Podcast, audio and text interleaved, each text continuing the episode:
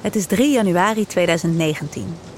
En midden op de Waddenzee, tussen Lauwersoog en Schiermonnikoog, drijft een container. Het is noodweer. Het gigantische metalen ding hangt schuin in de diepgrijze golven die er met witte koppen overheen knallen. Op de foto die ik ervan bekijk, zie ik de zwarte onderkant van de container, de roodbruine zijkant en het rode bootje dat naast de container in de golf is opgedoken. Het lijkt piepklein naast de metalen doos. En zoom je in op de foto, dan zie je een man. Bovenop de container. Hij zit op handen en knieën, al lijkt het bijna of hij staat, zo schuin hangt de container. Hij balanceert, golven slaan links en rechts langs hem heen. Het ziet er levensgevaarlijk uit. Met een geel snoer probeert de man de container vast te klinken aan het rode sleepbootje. Heel in de verte zie je een kustlijn, een dijk. De man probeert te voorkomen dat de container de dijk raakt, erop gesmeten wordt en een doorbraak veroorzaakt. De man heet André Borsch, eigenaar van bergingsbedrijf BDS in Harlingen. En toen deze foto alle voorpagina's haalde, kreeg hij vooral kritiek. Ja, dat was ook heel vervelend. Want toen kreeg ik allemaal negatieve berichten van Rijkswaterstaat. Ja, wat je nu doet, dat kan niet. Ja, Want dat is te gevaarlijk. Ik zei, dat is klaar. Ja, maar je had geen zwemvest om. Ja, ik ga geen zwemvest om doen. Om, die hadden we onder het pak. Die doe ik er niet overheen, omdat dit allemaal scherpe delen kunnen zijn. Dus daardoor Kun je kun je, daar blijf je achter. Is, is je zwemvest beschadigd? Ja, maar je zat niet aangelijnd. Nee, ik ga me niet aanleiden aan een container die alle minuut kan zinken. Toen deze foto werd gemaakt, dreven er nog 341 andere containers rond in de Waddenzee. Twee dagen eerder, op nieuwjaarsdag, was containerschip MSC Zoe namelijk in de problemen geraakt in een storm. Het schip was door de hoge golven zo hard gaan deinen dat de stapels containers aan boord als Jenga-torentjes om waren gedonderd. Eenmaal in zee barsten de containers open op de zandbanken van het Waddengebied. Kinderspeelgoed, handtassen, koelkasten. Je kunt het zo gek niet bedenken of het spoelde aan op de Waddeneilanden. Het strand van Vlieland en Terschelling bezaaid met aangespoelde goederen, afkomstig van een mega vrachtschip. En de vraag was natuurlijk, wie gaat dat opruimen? Nou, André dus. Maar waarom hij? Waarom niet de rederij die de containers verloor? Waarom niet onze overheid? En hoe kan het dat André nog altijd niet klaar is? Dagelijks vist hij nog spullen op uit zee. Vandaag nemen we je mee naar de onzichtbare vuilnishoop die containerschepen achterlaten. In de zee en in de lucht.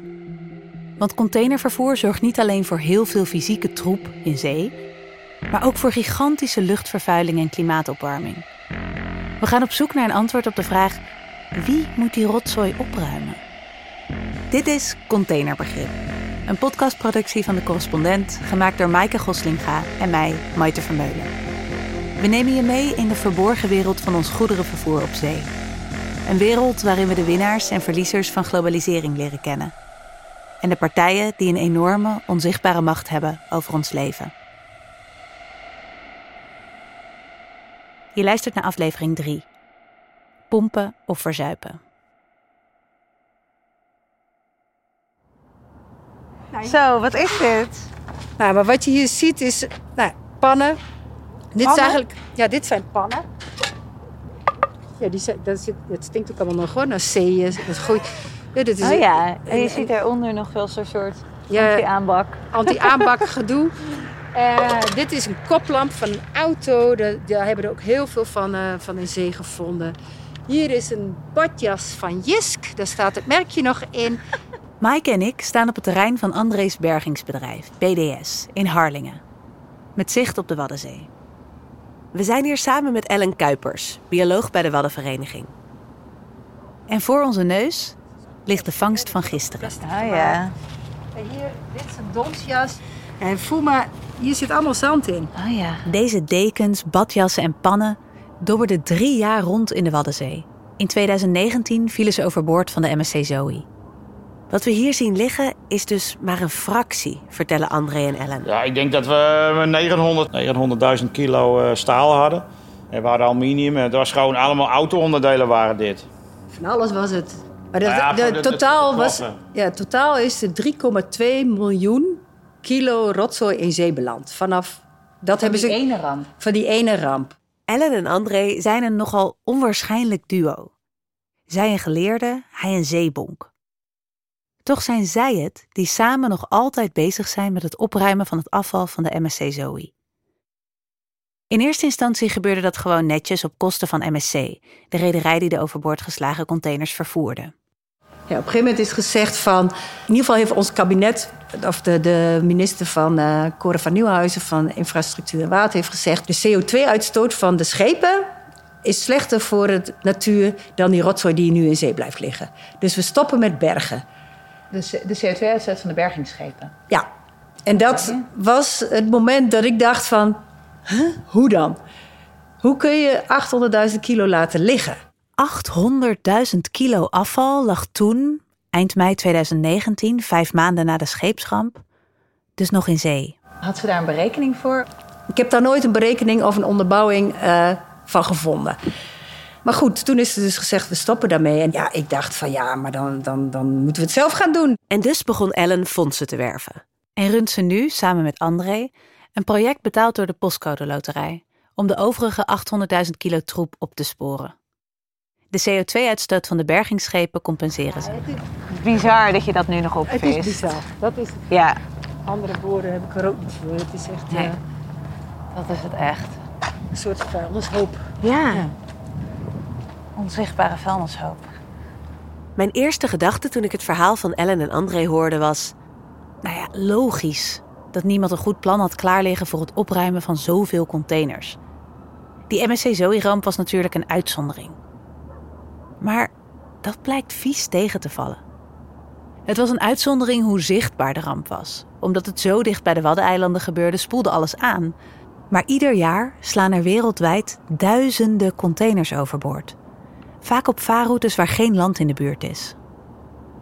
En hoe groter schepen worden, hoe hoger de stapels containers die we vervoeren, hoe meer er overboord gaat, horen we van experts.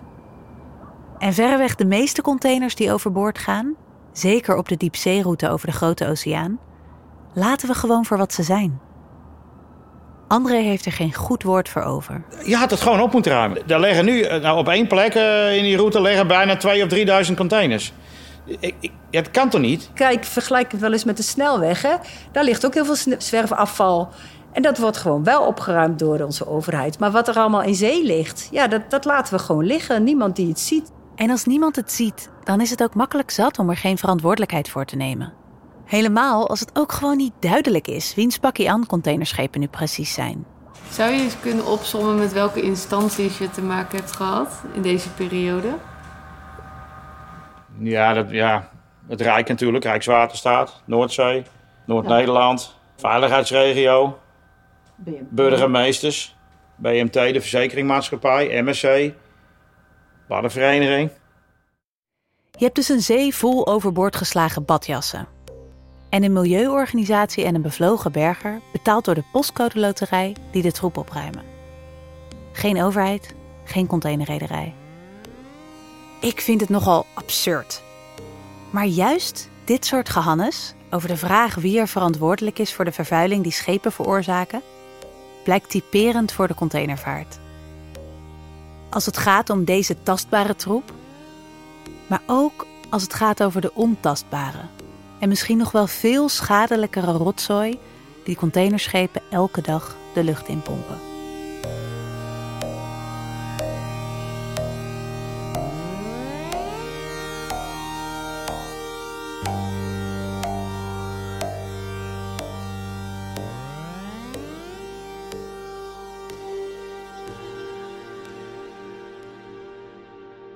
Er is namelijk haast niets smerigers dan de brandstof waarop containerschepen varen.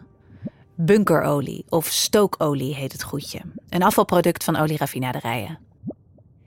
Dit feitje schetste voor mij wel zo'n beetje hoe smerig het is. Bij kamertemperatuur kun je erop lopen. Het verbranden van die bunkerolie zorgt ervoor dat de internationale scheepvaart jaarlijks meer dan een miljard ton CO2 uitstoot.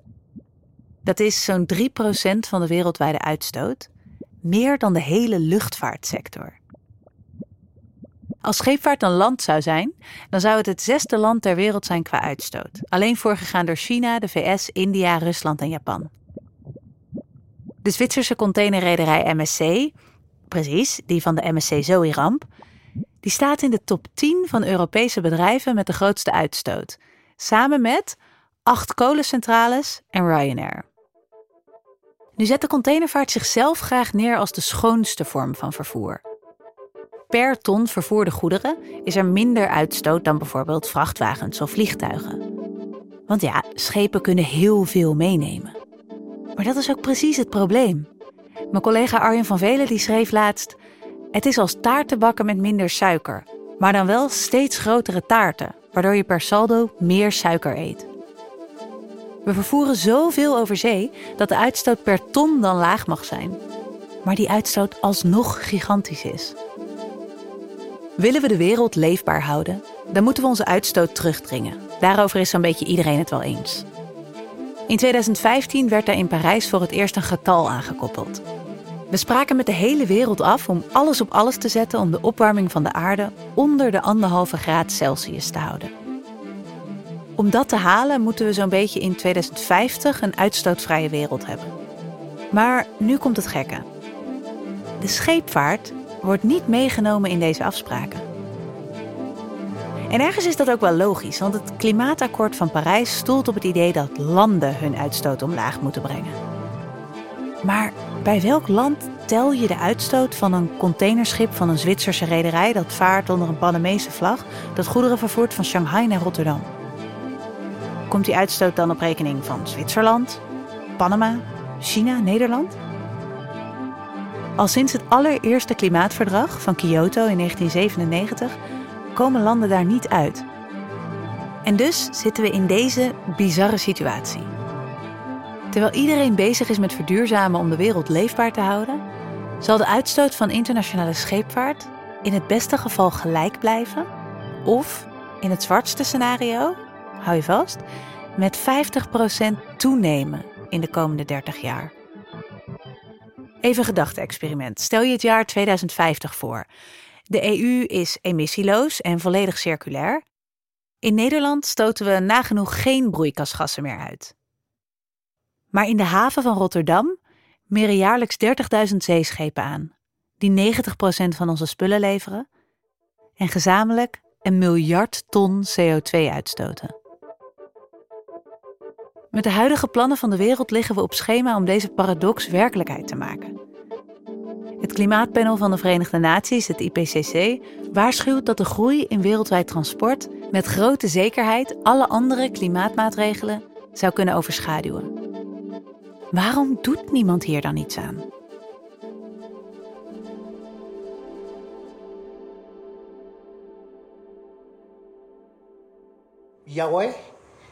Yahweh, Edain Albon, Joda, Emngach, Embedjedran Marshall Island. Dit is Albon Ishoda, topambtenaar van de Marshall-eilanden. Yeah, so the Marshall Islands is a low-lying group of atolls. Een atol is een ring van eilanden met in het midden water. Ishoda's eilandengroep ligt midden in de grote oceaan, tussen Hawaii en de Filipijnen. And then outside of it is the ocean. Land-wise, we are only 171 to 180 square kilometers. That's the total landmass. Het hele landoppervlak is dus nauwelijks groter dan Texel. Very, very small. But ocean-wise, we're just under 2 million square kilometers. So we're, as a country, we're bigger than many countries in Europe. It just consists of water. En dat water dat de hele Marshall-eilanden omringt, is precies het probleem. Want dat stijgt door de opwarming van de aarde. 1.5 remains our doomsday number. Hij bedoelt anderhalve graden opwarming. You know, people can say 2050. Countries can say, you know, by end of the century. But for us, we've gone beyond looking at years because they're arbitrary to us at this moment. 1.5 remains our survival number. Met andere woorden, warmen we de aarde meer dan anderhalve graden op, dan zijn er geen Marshall-eilanden meer. Met het water dus bijna letterlijk aan de lippen beginnen de Marshall-eilanden al meer dan 20 jaar geleden wereldwijd hun stem te verheffen. Ishoda en zijn collega-diplomaten van kleine eilandstaten zijn al ver voordat de rest van de wereld aanhaakt bezig met klimaatactivisme. Greetings to you all. My name is Selena Lam, and I am a small island girl with big dreams from the island of Majuro in the Marshall Islands. I am only 18 years old, but for a long time I have felt nervous about my home. We don't accept a future in which we have no future. Um, and it's for that reason that, you know, we're here at COP making the case and fighting for our future. Effects of climate change, it's, it's, it's, it's a global solution that we all need to work together. I want us to come out with an agreement that keeps 1.5 in reach. It's absolutely the line for us. If we go past it, the future is really quite unimaginable. En dat is ook wat Ishoda keer op keer vertelt in internationale fora, op klimaattoppen, in de VN. We have no choice because our highest point is two meters above sea level. We have to, otherwise, the security of our country is compromised. Jarenlang zoeken Albon en zijn collega's naar kansen om de rest van de wereld tot klimaatactie te dwingen. En soms vinden ze die op onverwachte plekken. We always have our aha moments. Um, right. What Uh, was yours? My aha moment was the um, BP spill in the Gulf of Mexico, the Deepwater Horizon. Deepwater Horizon, een van de grootste olierampen ooit. Honderdduizenden kubieke meters olie spuiten de oceaan in. On Louisiana's coast, more dirty oil washed ashore today. The greatest oil spill in American history now covers 29,000 square miles, the size of South Carolina. En dan hoort Albany Shoda op het nieuws de naam van zijn land. That rig was flagged to the Marshall Islands. Olieplatforms hebben namelijk een vlag. En het platform dat deze enorme olieramp veroorzaakte, had als vlag, jawel, de Marshall-eilanden. Dat was Ishoda's aha-moment. Toen hij erachter kwam dat zijn land zich in een heel vreemde spagaat had gemanoeuvreerd. Als grote voorvechters van klimaatactie, met tegelijk olieplatforms onder hun vlag. We're going to a ministerial meeting on climate change in Bonn, and we're going to fight for countries to reduce their emissions, and we're going to be the voice of morality. And it was like, wait, we're doing all of these globally, and here is us also flagging these oil rigs. En niet alleen olieplatforms ontdekte Ishoda. Ook schepen varen massaal onder de vlag van de Marshall-eilanden. Schepen die ontzettend veel broeikasgassen uitstoten. And then that happened, and then we were like, wait, wait a minute, you know, what's this? You know, but it's because we just never fully understood what our registry or what the registry was doing, and because we had given them the authority. The Registry, oftewel het vlagregister van de Marshall-eilanden. Ishoda komt er ineens achter dat zijn mini-landje op papier een van de grootste vloten ter wereld heeft. Duizenden schepen varen onder de Marshallese vlag. Hoe kan het dat juist zijn land, waarvoor klimaatverandering een zaak van leven en dood is, ook zoveel vervuilende schepen onder zijn hoede heeft? You know, for me, um, coming to understand um, the flag registry part of shipping was also a learning curve. Een leercurve die hem naar het hart van het klimaatprobleem op zee zou brengen.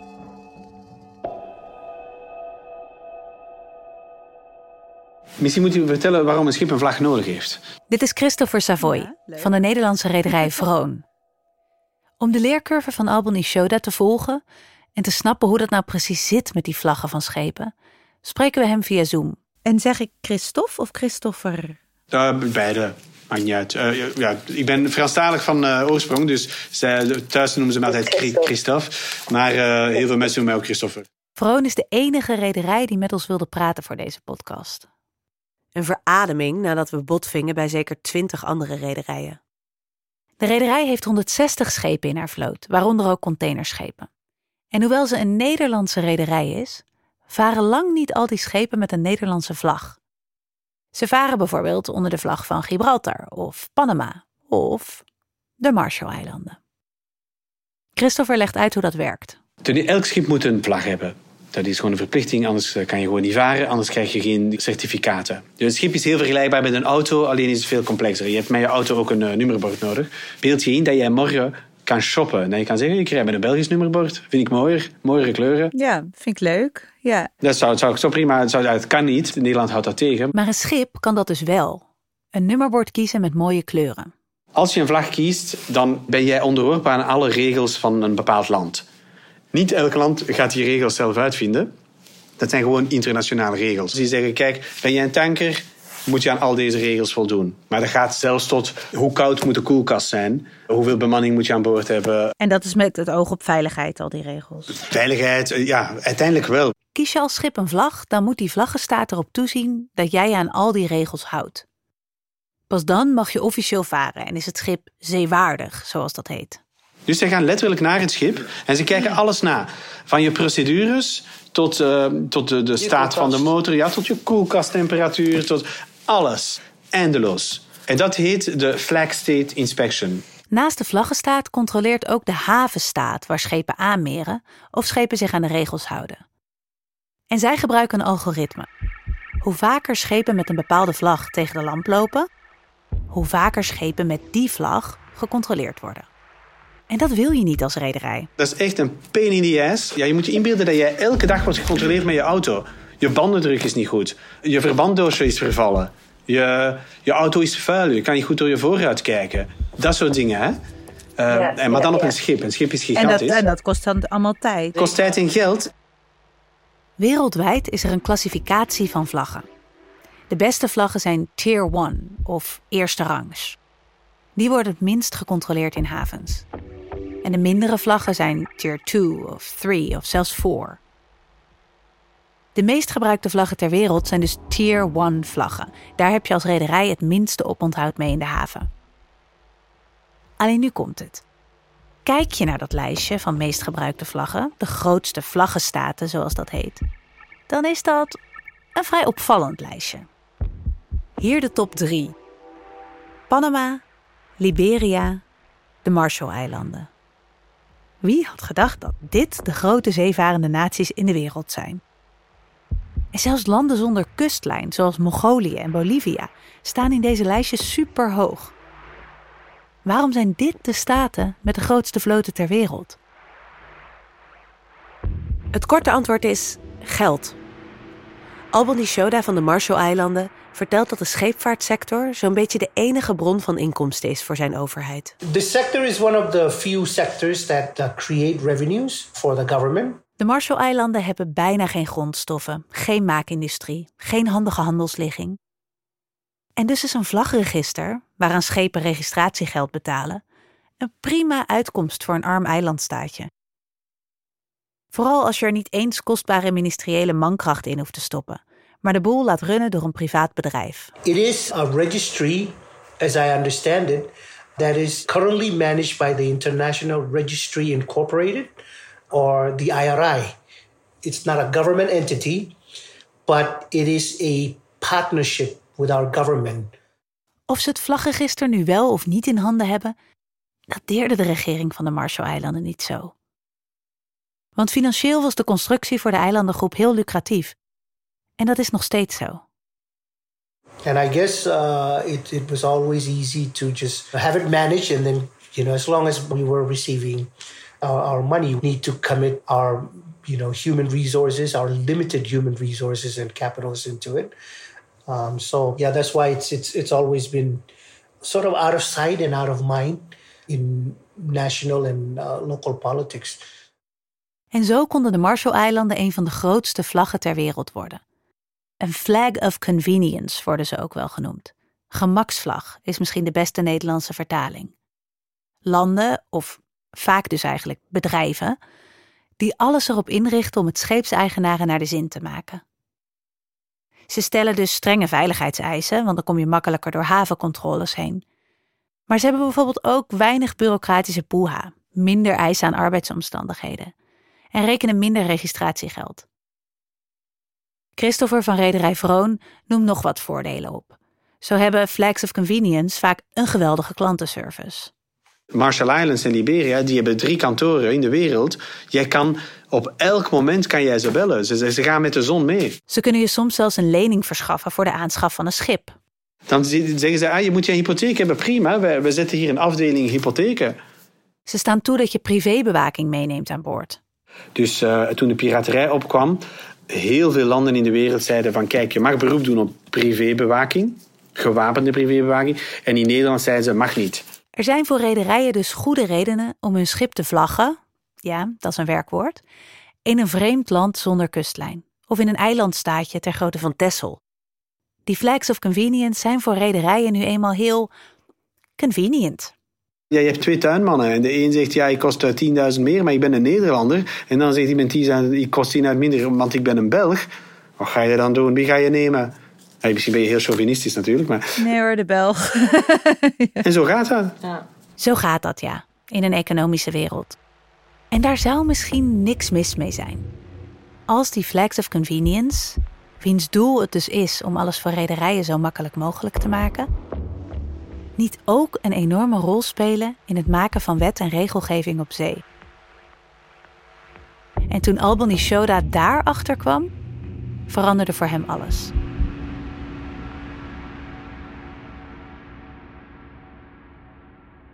And after your aha moment, what did you do? Well, we, we showed up in IMO and called uh, on IMO to start setting a target to reduce shipping emissions globally. De IMO, de International Maritime Organization van de Verenigde Naties. Die VN-organisatie heeft de opdracht gekregen klimaatdoelen te stellen voor de scheepvaart. Op dat moment denkt Ishoda nog: hoe moeilijk kan het zijn? Hij werkt al jaren als diplomaat in VN-organisaties. Hij weet wel hoe de hazen lopen. En op het eerste gezicht is de IMO ook een VN-organisatie als alle andere. Hoofdkantoor in Londen, 175 landen die meedoen en boven hen een secretaris-generaal die de boel leidt.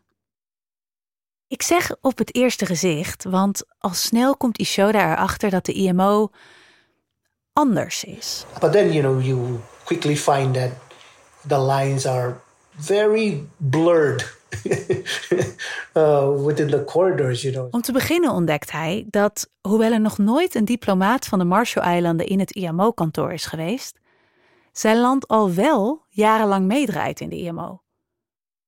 Achter het bordje met Marshall-eilanden zit, aan de IMO-tafel, een Amerikaan van het bedrijf dat hun vlagregister runt. But, you know, this is something that, you know, we had to learn very quickly and figure out how to insert ourselves in that cycle. Met andere woorden, hoe claimt de overheid van de Marshall-eilanden haar stoel terug in een VN-organisatie waar een bedrijf al jaren namens haar het woord voert? Dat gaat niet zonder slag of stoot. Daar komt Ishoda meteen op zijn eerste meeting in de IMO al achter. I joke about this when I first started, when I first arrived in IMO and went to my first meeting. Uh, I didn't know the etiquette because I thought, you know, this is a UN body. I'll show up in my island shirt and my long pants, shoes to be respectable, only to be told that I couldn't get in because I didn't have a tie. Mijn mond valt open als ik dit hoor. In de Verenigde Naties dragen diplomaten doorgaans hun traditionele formele kleding. En dat is bij ons een pak met stropdas, maar in andere delen van de wereld natuurlijk niet. Maar hier in de IMO kwam Ishoda dus zonder jasje-dasje niet binnen. Long story short, I went back to get a tie, but as soon as I entered, then I recognized that this is an exclusive club of people that needs to look a certain way to be able to engage in a process. So we quickly moved to try and dismantle any ideologies that our representation there were perceived as to be supported or sponsored by a registry. Hij bedoelt, ze moeten even duidelijk maken dat er nu geen Amerikaans bedrijf meer achter hun naambordje zit, maar de daadwerkelijke regering van de Marshall-eilanden. En dat die daar zit met heel andere doelen. we immediately put a line there and said, no, this is the country and there's a difference. And I remember distinctly when we rocked up in London, you could sense that there was um, there was like an uh, an atmosphere of wonderment within the corridors of the IMO headquarters. Verbazing over deze Marseillese diplomaten die ineens met een heel ander verhaal in de IMO aankwamen dan ze daar gewend waren. Een verhaal over het terugdringen van vervuiling door schepen om hun land en de wereld te redden van de gevolgen van klimaatverandering. At one point, this very high level IMO official looked straight into me and my minister and our delegation and say, Well, surely we have to understand that shipping is the servant of trade. Dit is dus de houding die hij aantrof. Scheepvaart is een u vraagt wij draaien dienst. Wij staan ten dienste van internationale handel, kreeg Ishoda te horen. Ons doel is het bevorderen van scheepvaart, niet het beperken ervan. Ishoda is stom verbaasd. Is dit de houding die zijn land van de letterlijke ondergang in zee moet behoeden? So it, it gave us the, um, the inspiration to come back harder and, and, and say it louder until everyone sees it from a different angle. En zo begon een 360 graden draai in de houding van de Marshall-eilanden in de IMO. En een jarenlange strijd om de organisatie te bewegen om scheepvaart te verduurzamen. Want Ishoda ziet direct: deze organisatie doet tot nu toe geen bal om de klimaatuitstoot van schepen terug te dringen. Have you ever watched those pirate movies? Like the Pirates of the Caribbean, where they have this island where they all congregate and make these pirate rules.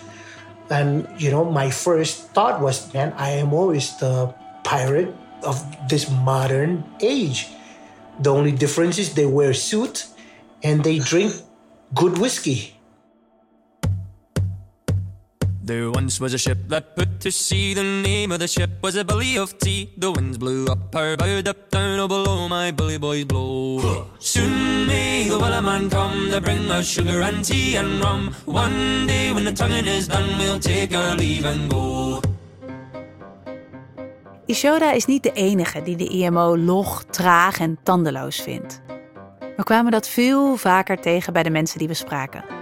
It is a bit disappointed that the IMO could not get an agreement on these issues. Maar het niveau van ambitie is natuurlijk verre van genoeg. We zien alleen dat de uh, IMO wel doelstellingen stelt, maar vervolgens daar geen uitwerking bij legt en ook niet besluit. Dan komt het in een heel politiek spel waar het weer om geld gaat bij de IMO. En ze krijgen gewoon heel veel dingen dan ook niet voor elkaar. Dat zou van IMO moeten komen, maar dat is gewoon een stugge organisatie. Daar doen ze gewoon echt jaren over om een nieuwe regel uh, te implementeren.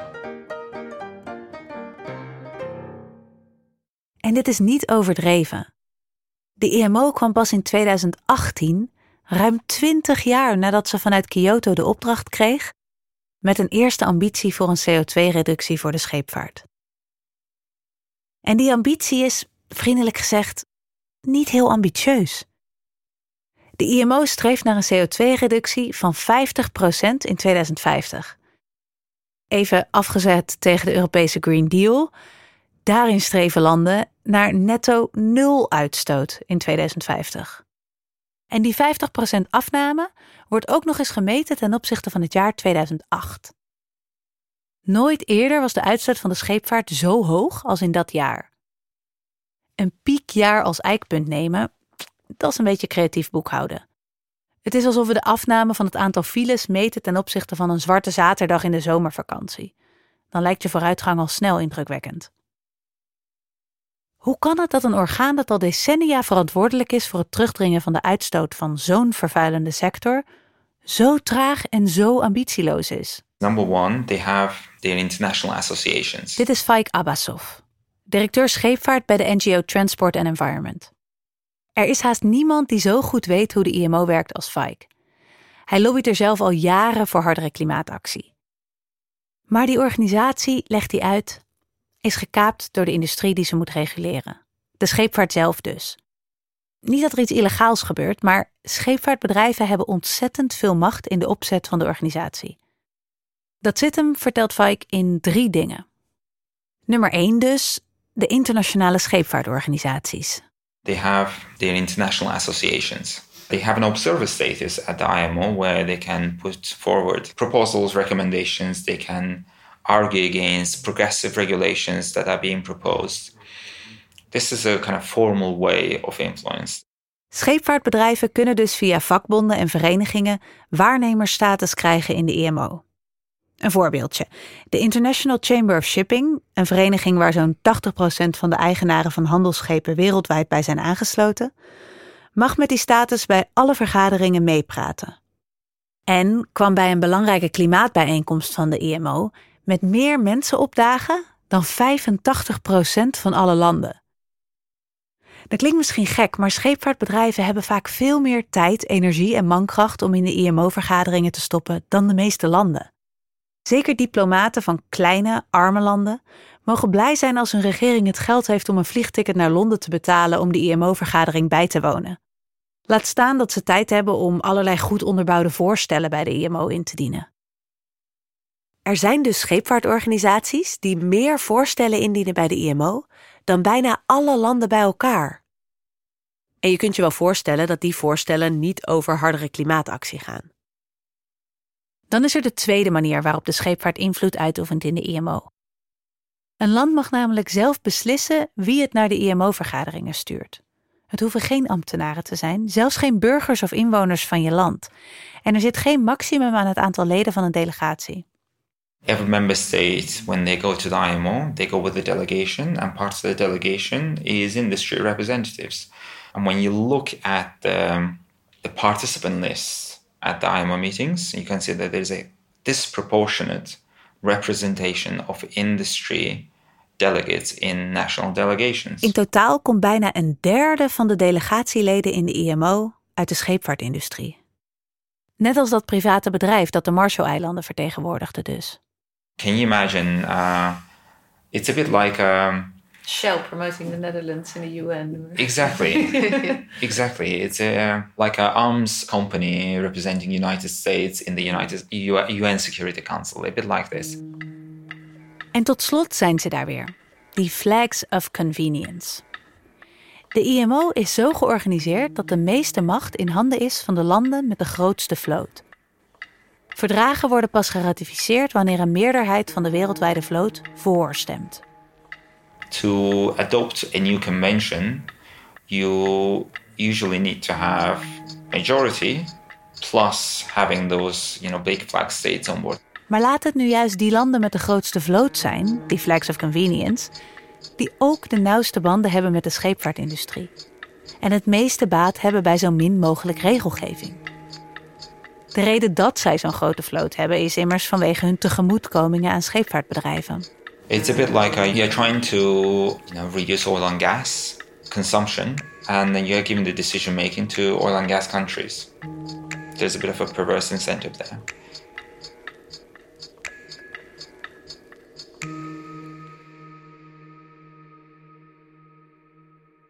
Er is geen andere VN-organisatie waar bedrijven zoveel invloed hebben op het besluitvormingsproces als de IMO. Gevraagd om een reactie benadrukt de IMO dat ze een lidstatenorganisatie is. De IMO beslist niet wie er in delegaties zitten, dat bepalen landen zelf, mailt woordvoerder Natasha Brown. Monitoring en handhaving van de klimaatdoelen zijn de bevoegdheid van regeringen en nationale autoriteiten van lidstaten, aldus Brown. En daarin heeft ze natuurlijk ook gelijk. Diezelfde landen die het klimaatakkoord sloten, zitten ook in de IMO. Waarom doen zij niet meer om het orgaan vlot te trekken? Albany Shoda heeft daar wel een idee over.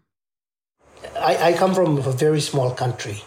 And even in my country, the transportation sector is not always in sync with our foreign policy sector. And we're a small country. My uncle or my cousin in law runs the transport sector. Uh, he's a senior official of the transport sector. and my uncles run the um, registry. So we're all one big family. Zelfs op de piepkleine Marshall-eilanden praten verschillende ministeries dus soms met verschillende tongen, wil je zo daar maar zeggen. I have conversations with Chile And Chile is such a huge supporter of going green and, and ambition in climate transition. But in IMO, they say a totally different thing. And it's because for some reason there has been walls that have been built built to protect that specific part of our global economy, which is shipping. Muren gebouwd om scheepvaart te beschermen. Faik Abbasov herkent dat. Hij denkt zelfs dat die muren regeringen soms ook wel goed uitkomen. IMO has been a good excuse for countries. Let's just take the Netherlands. If there is a political pressure on the Dutch government to act on shipping emissions, it's very easy for the government to say, yes, I will take the most ambitious position at the International Maritime Organization. But it will forget to say that the most ambitious position of the Dutch government doesn't really matter much because there are 190 other countries it has to convince, which is very tough. Why would it be difficult to convince 190 other countries?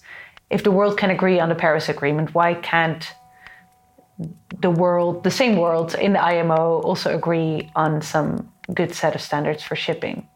Um, this is a very good question. I'm very glad that you asked it. Paris Agreement sets a global temperature target. That's it. It does not regulate any single sector. It does not say that what should the efficiency of the cars be in any country. It doesn't say that how many solar panels you need to install. It does not regulate those details. It just sets aspirational targets on the temperature. That's it. En een temperatuurdoelstelling is dus iets heel anders, zegt Faik, dan de regels vastleggen voor een specifieke industrie om dat temperatuurdoel te halen. Expecting IMO to put in place ambitious regulations to implement it in practice would be akin to expecting Paris Agreement, um, you know, telling you how should you, how you should be building your laptops, for example. How efficient should your light bulbs be, and things like this. En dat zijn nu net de dingen, vreest hij, die bijna niet te beslissen zijn met zoveel landen. Die je veel beter op nationaal niveau kunt regelen. En dan zijn we dus weer terug bij af. Want scheepvaart, dat is het nu juist, hoort niet bij één specifiek land. Fike heeft de hoop op de IMO inmiddels opgegeven. Zijn NGO richt zich nu vrijwel uitsluitend op lobbyen voor nieuwe wetgeving in de EU.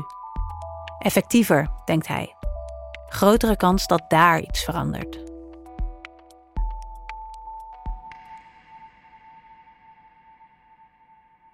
Maar Ishoda zet zijn geld voorlopig nog op de IMO. Hij draait inmiddels bijna acht jaar mee in de organisatie en heeft een coalitie van landen om zich heen verzameld die ook hardere klimaatactie voor schepen willen zien. A group called the Shipping High Ambition Coalition. It's some uh, six, six of us in the Pacific with you know Europe and uh, US and uh, some countries like Canada, New Zealand. En met die groep dient hij voorstellen in. Voor een uitstootbelasting die rederijen op alle schepen moeten betalen, bijvoorbeeld. Our proposal was a universal, you know, no exception. Every vessel that has emissions needs to pay $100 per ton. Het geld zou gebruikt moeten worden om de landen die het meest kwetsbaar zijn voor klimaatverandering te helpen bij hun adaptatie. Dit voorstel ligt binnenkort voor in de IMO. Ishoda verwacht niet dat het wordt aangenomen, maar wel dat de organisatie langzaam in de goede richting gaat bewegen. And this is this is the process in IMO. So it's like a tanker. So you have a large tanker that is going in one direction, and we say, okay, we have to shift direction. And it's in IMO, surely it's going to change, but it's going to take a whole bunch of machinery to make it change. Of het bijsturen van die olietanker snel genoeg gaat voor hij frontaal op de kade van zijn land botst, dat weet hij niet. In the science that is coming out every month now, we won't be here within this century. Our country will not be in existence within this century. And that's why we have to continue to push. Scheepvaart is de dobber van onze economie, de motor waarop de wereldhandel drijft. En juist daarom is het misschien niet zo vreemd dat de scheepvaart de klimaatdans ontspringt. Het is te simpel om de scheepvaartbedrijven weg te zetten als de bad guys die gewoon geen zin hebben om een bijdrage te leveren aan een leefbare planeet. Ze zijn onderdeel van een systeem waar iedereen, ook in Nederland, aan meedoet. Een systeem waarin kleding een wegwerpproduct is geworden, waarin vis uit de Noordzee in China gefileerd wordt voor het in de Nederlandse supermarkten belandt. Waarin we het hele jaar door mango's kunnen eten en waarin we spullen kopen omdat ze toch maar een euro zijn. Wat is de oplossing voor een systeem waarin consumenten en bedrijven elkaar in een voor iedereen dodelijke houtgreep houden? En waarin landen zich in een VN-organisatie verschuilen achter elkaar en achter de belangen van de scheepvaartindustrie? Yeah, no, no. Shipping as we know it is, is not sustainable.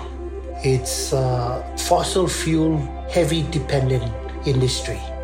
The first thing that we as a global community can do is focus in on how to make shipping more sustainable. Maar hoe doe je dat? Hoe ziet een groene containervaart eruit?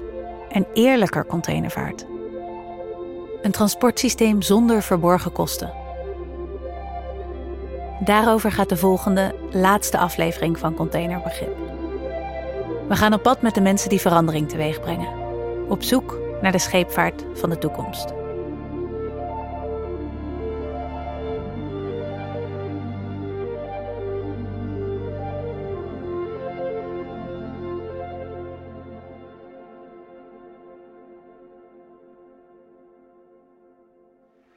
Volgende week in Containerbegrip. De haven van de toekomst is klimaatneutraal en digitaal en maakt het wereldwijde transport transparanter, voorspelbaarder en efficiënter dan ooit. We ontdekken hoe moeilijk het is om de groene scheepvaart van de toekomst voor ons te zien. Ja, dat is lastig te voorspellen in deze sector, omdat dat een van de problemen dus is. Dat nog niet alles klaar is. Dus je kunt niet zeggen we hebben genoeg duurzame brandstof van het een of van het ander. We proberen uit het vierkante denken van de container te breken. Dus heel veel van de technologieën zijn eigenlijk meer geïnspireerd door de luchtvaart, ironisch genoeg. Want wat als we ons nu eens een wereld voorstellen waarin scheepvaart een radicaal andere rol speelt?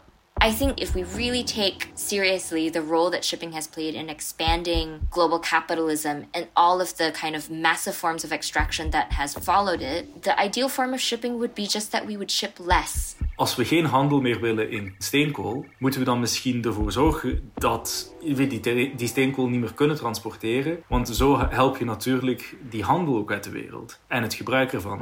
Dat hoor je allemaal volgende week in de vierde en laatste aflevering van Containerbegrip. Containerbegrip is een productie van De Correspondent, gemaakt door mij, Maite Vermeulen en Maaike Goslinga. Montage en sounddesign werden gedaan door Jacco Prantel en Julius van Eiperen, die ook de mixage deed. Wil je journalistiek zoals deze mogelijk maken? Word dan lid van De Correspondent. Dagelijks brengen we je analyses en feiten die je helpen de wereld beter te begrijpen. Zoals deze. En je hebt, dat is een leuk weetje, het vee aan boord van onze schepen heeft een hogere kans om de reis te overleven dan jij op een cruiseschip. Wat? Ja. Dat is, dat is een beetje een eng feitje. Dat is een eng feitje, maar dat is... Ik, ja. Voor 9 euro in de maand kun je dus of sparen voor een doodenge cruise... of een maand lid zijn van de correspondent. Ga naar decorrespondent.nl slash wordlid. Aan deze aflevering werkten ook nog een paar geweldige collega's mee... Eindredactie Jelena Barisic. Factcheck Revi Bol. En met dank aan Josta van Boksmeer, Thomas Oudman en Merke Kist van Audiocollectief Schik. Tot volgende week.